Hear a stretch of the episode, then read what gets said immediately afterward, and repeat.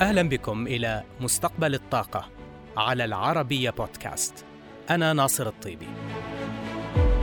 نسعى في هذا البرنامج إلى المساهمة في الحوار الدائر حول عملية التحول في مجال الطاقة عالميا نحو مستقبل خال من الانبعاثات يضمن أمن المناخ وأمن الطاقة.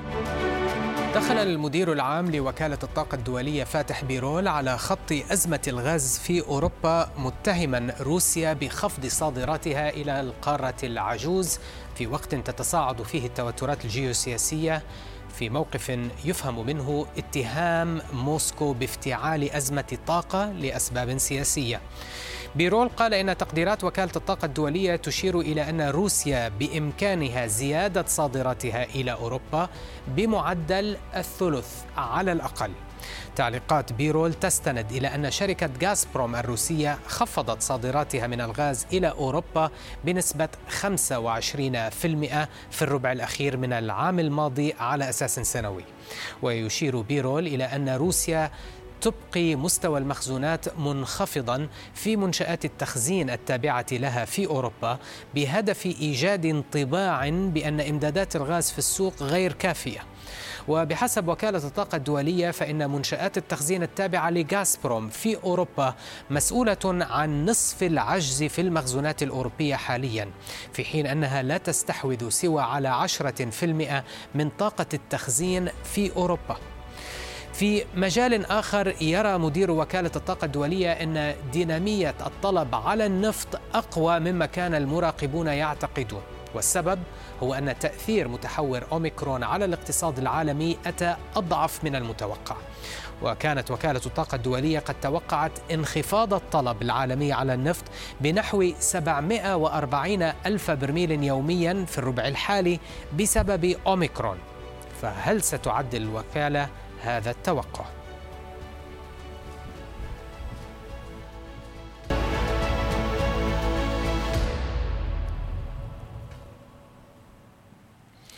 وللمزيد حول هذا الموضوع تنضم إلي من أبو ظبي دكتور كارول نخلي الرئيس التنفيذي لكريستال إنرجي. دكتور نخلي أهلا بك شكرا لانضمامك إلينا.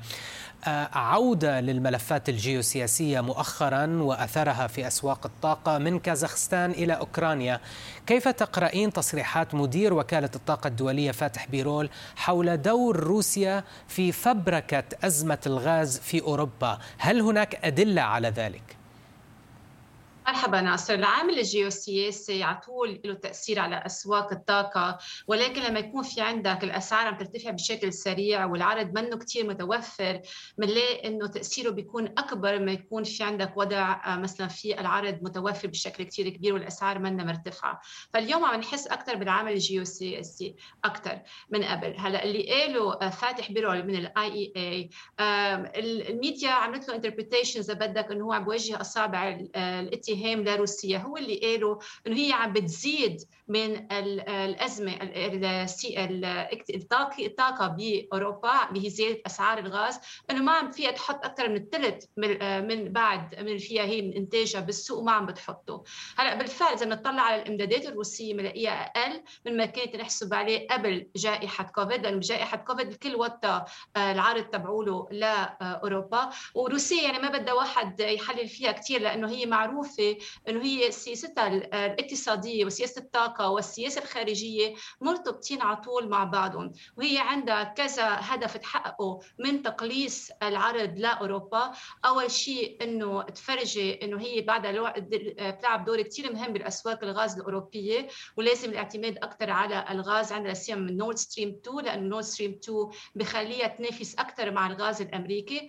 وثانيا بتخليها تعتمد أقل على أوكرانيا. يعني هذا هدف عم تعمله روسيا روسيا من التسعينات يعني كان الاعتماد على أوكرانيا أكثر من 95% من صادرات روسيا إلى أوروبا اليوم هي 40% وإذا بيقطع نورد ستريم بتصير 13% يعني في عندها أهداف كذا هدف تحققه اقتصاديا وجيوسياسيا بأوروبا.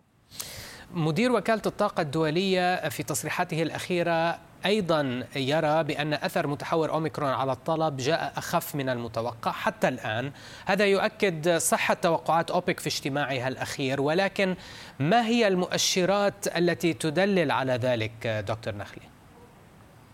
هلا الكل توقع لما بلشنا نحكي بأوميكرون بالمتحور بديسمبر بأواخر تشرين الثاني آه، نوفمبر يعني كنا كنا عتلين هم إنه شو رح يكون تأثيره على الاقتصاد العالمي والنمو العالمي للاقتصاد وبذلك الطلب على النفط. هلا التأثير طلع إنه هو أضعف خاصة بالبلدان اللي ماشية عندها اللقاح اللي توزع فيها اللقاح مثل أوروبا مثل الولايات المتحدة مثلا آه، بريطانيا كذلك الأمر.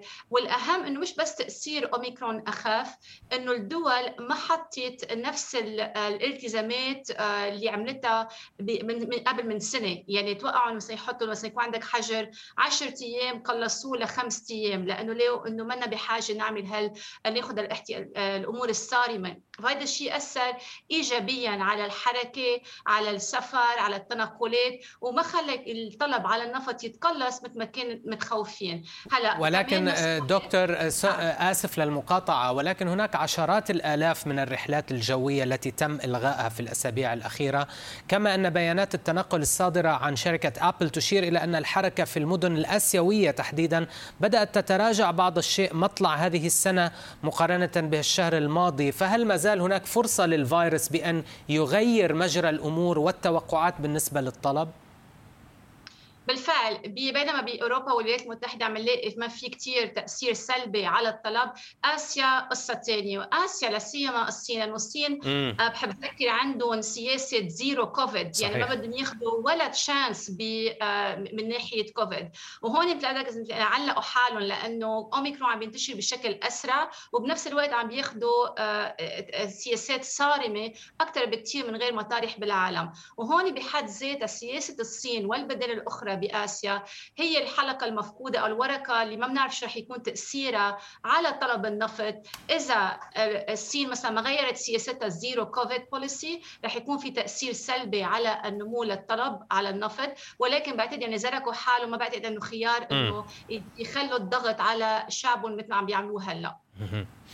الزيادة الشهرية في إنتاج أوبك بلس البالغة 400 ألف برميل يوميا لا يتم تحقيقها بشكل آه، كامل بسبب عدم قدرة بعض الأعضاء على الزيادة المطلوبة هل ممكن لتقلص القدرة الإنتاجية الفائضة أن تصبح مشكلة خلال الأشهر المقبلة؟